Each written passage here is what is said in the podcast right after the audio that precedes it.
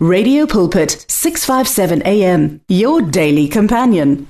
Ochani balaleli emakhaya nilotshiswa ngumfundisi uMahlangu nginilochisa eh, emhathweni omkhulu iRadio Pulpit ePretoria mnganakho wamalanga wonke mfundisi ulapha kwamhlanga eSun City AA ngisebandleni leFair Havens Revival Church.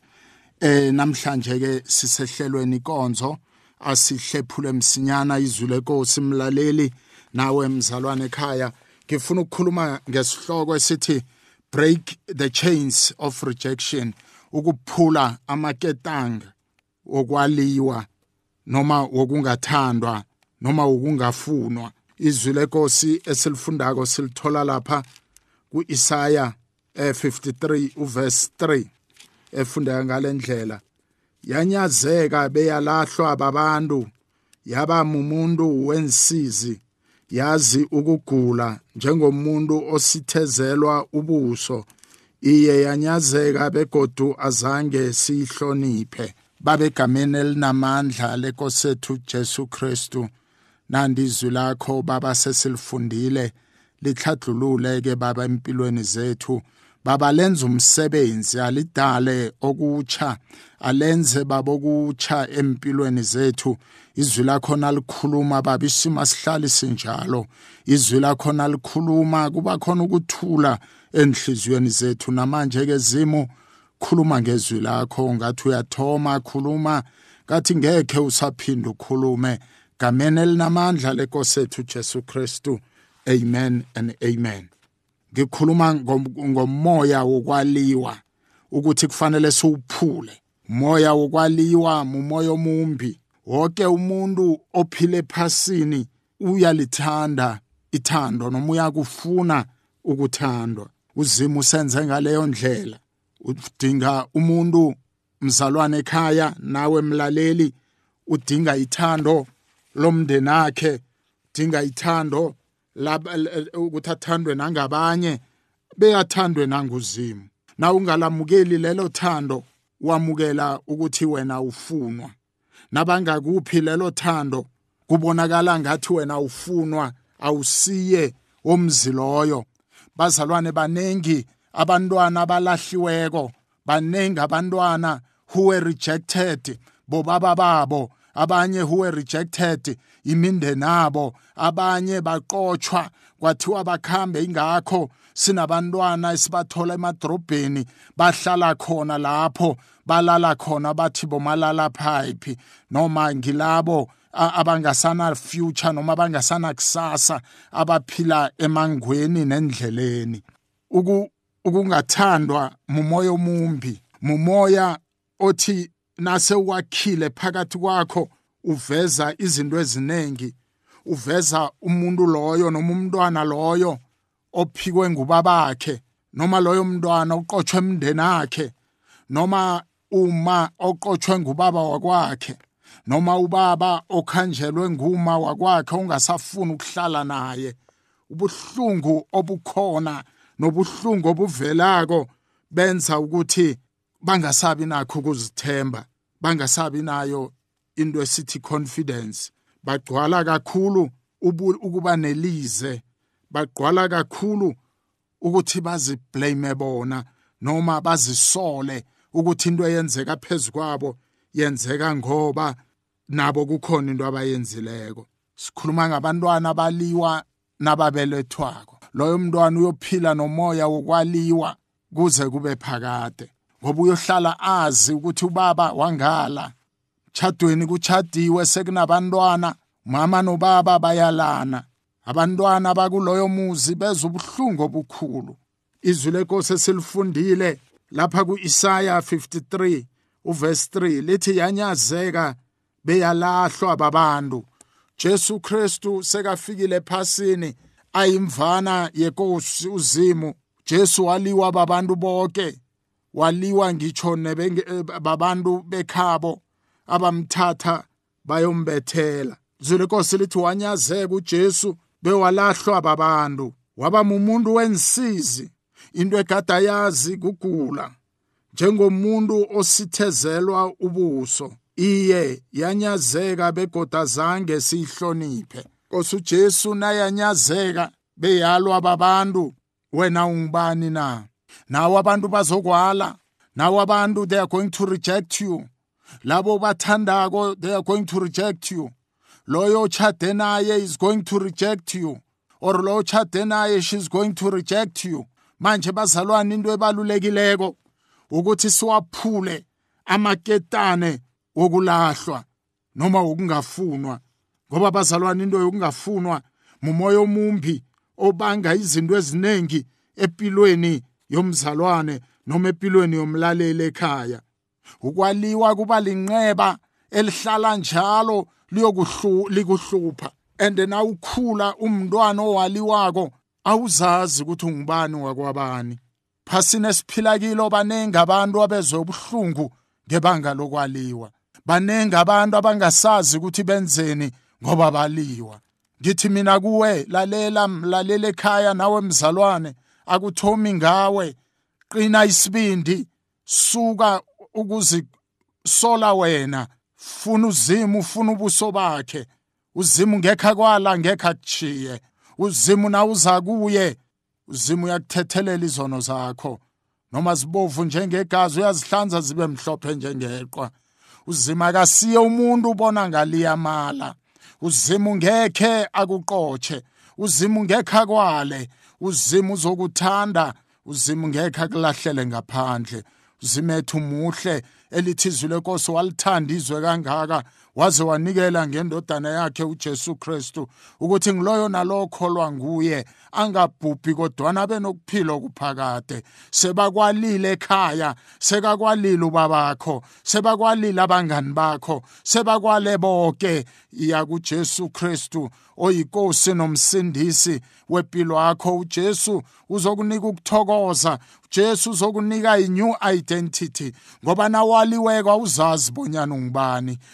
Nawaliweko awuzazi bona muntu uthomephi uchinge kuphi ngoba nawaliweko umuntu okwalako ngekhe abuye futhi azokuqolisa athi akasakwali.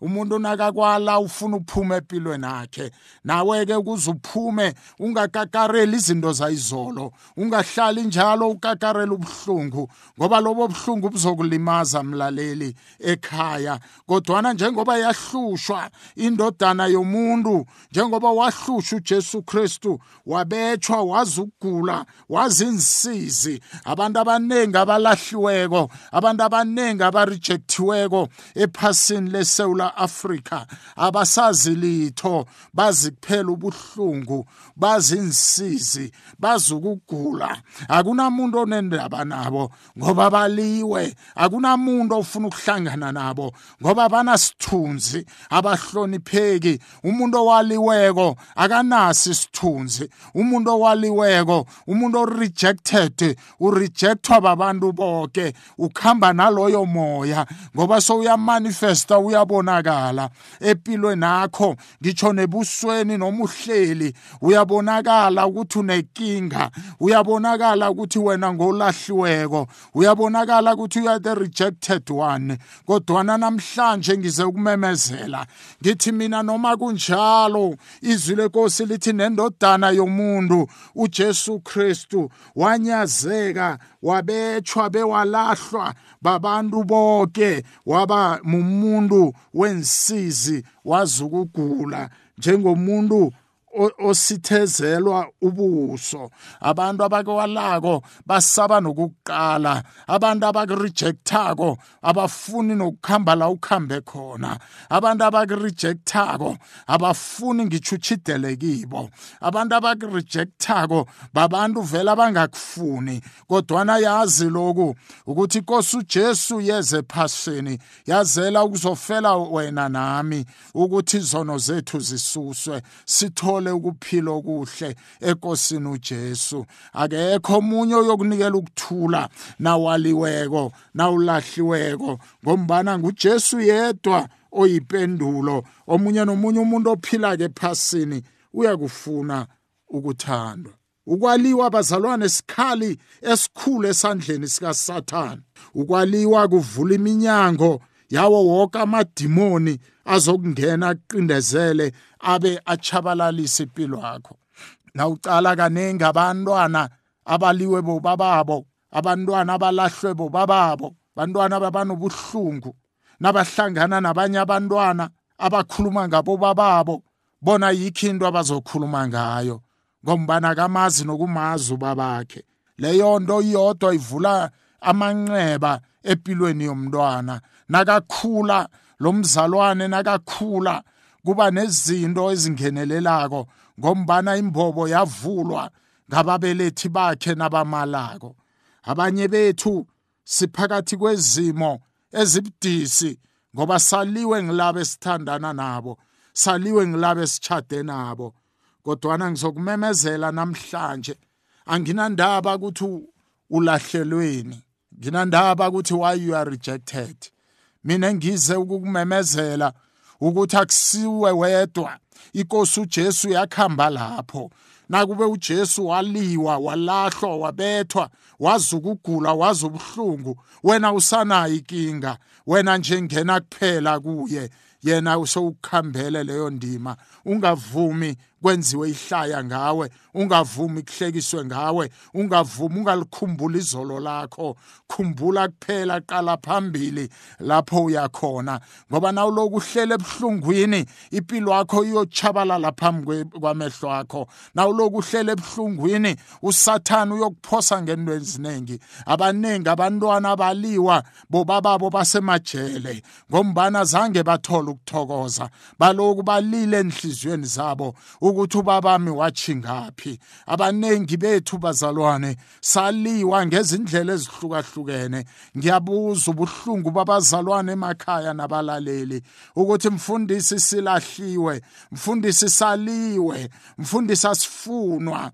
We are rejected. Ngithi namhlanje likhona ithemba ikhona ithemba. Namhlanje uzokuchaphuluka. Namhlanje inkosi uJesu uready ukulungele ukuthi akwamukele wena. Abe yinkosi nomsindisi wempilo yakho uzothola ukuthula okumangalisako. Uyobona amandla amakhulu. Impilo yakho yokuguquka uzobana babakuthandako ngoba abazalwane noma bangasala. Abanye kodwana ngoJesu ayinkosi sizokuthola abanye abazosithanda. Egameni elinamandla lenkosi yethu Jesu sizokuthandwa nguye eqala asithande yena nobaba nomoya oqwengileko. Ukwaliwa abazalwane mumoya owenza ukuthi ubhalelwe kuphumelele empilweni. Ukhamba nawe nakufanele wenza izinto ezikuphumelelisayo moya lona ukukakarele.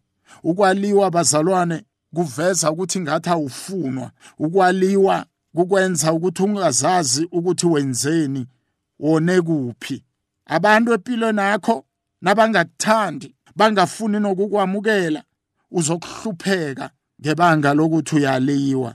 Wena nawe unakho ukufisa nokulangazelela ukuthi uthandwe.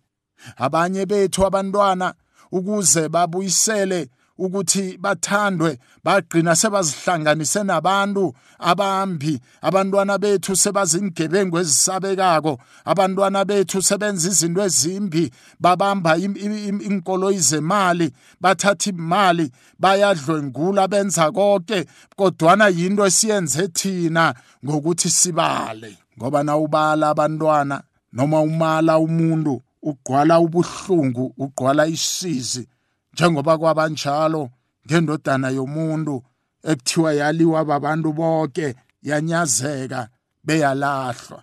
Nawe wanyazeka bewalahlwa. Wanyazeka wabethwa. Wanyazeka wabalusizi. Ukukudla kokugula. Uyagula ingqondo yakho iyathatha iyabeka. Awazi ukuthi wenzeni ngombana waliwe. Kodwana namhlanje ngizela ukukutshela ukuthi bangakwala bonke emndenini nakho. Waliwe nabo makhelwane waliwe ngilabo chidelene nabo. Kodwa ukhona ongekha kwale ukhona oyokwamukela ukhona owayikhamba lendlela oyikhambako. Uyikhambelani wena umnini mandla wonke nakayikhamba lendlela uyikhambelani indlela yokulila nokuhlupheka ulilelani uJesu akhona. Ulilelani unikelwe amandla ulilelani unikelwe igunya lokuthi wena osindiswayo umamukela kuJesu uyokubizwa kobonyana umntwana kaZini. Thula sula inyembezi ungasalili. Abantu abalahliweko abantu abaliweko babantu bakhamba bafuna izinto ezingabenza ukuthi baziwe bonyana babobani ngaphandle kokuba nobudlelwano nozimu ukwaliwa kuthoma umntwana sesengesiswini sakamamakhe sesengesibelethweni sakamamakhe abantwana abaliwako bakhula babantwana abangazethembiko. Bakhula babantwana abafuna njalo ukunakwa.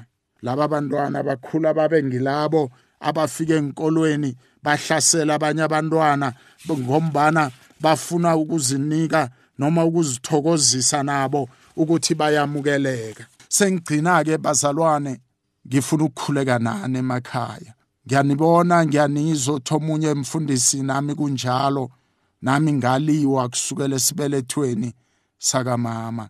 Ngaliwa bengaqothwa nekhaya ngaliwa ngaba lisizi ngaliwa nganyazeka njengoba senza nathi ngenkosi uJesu.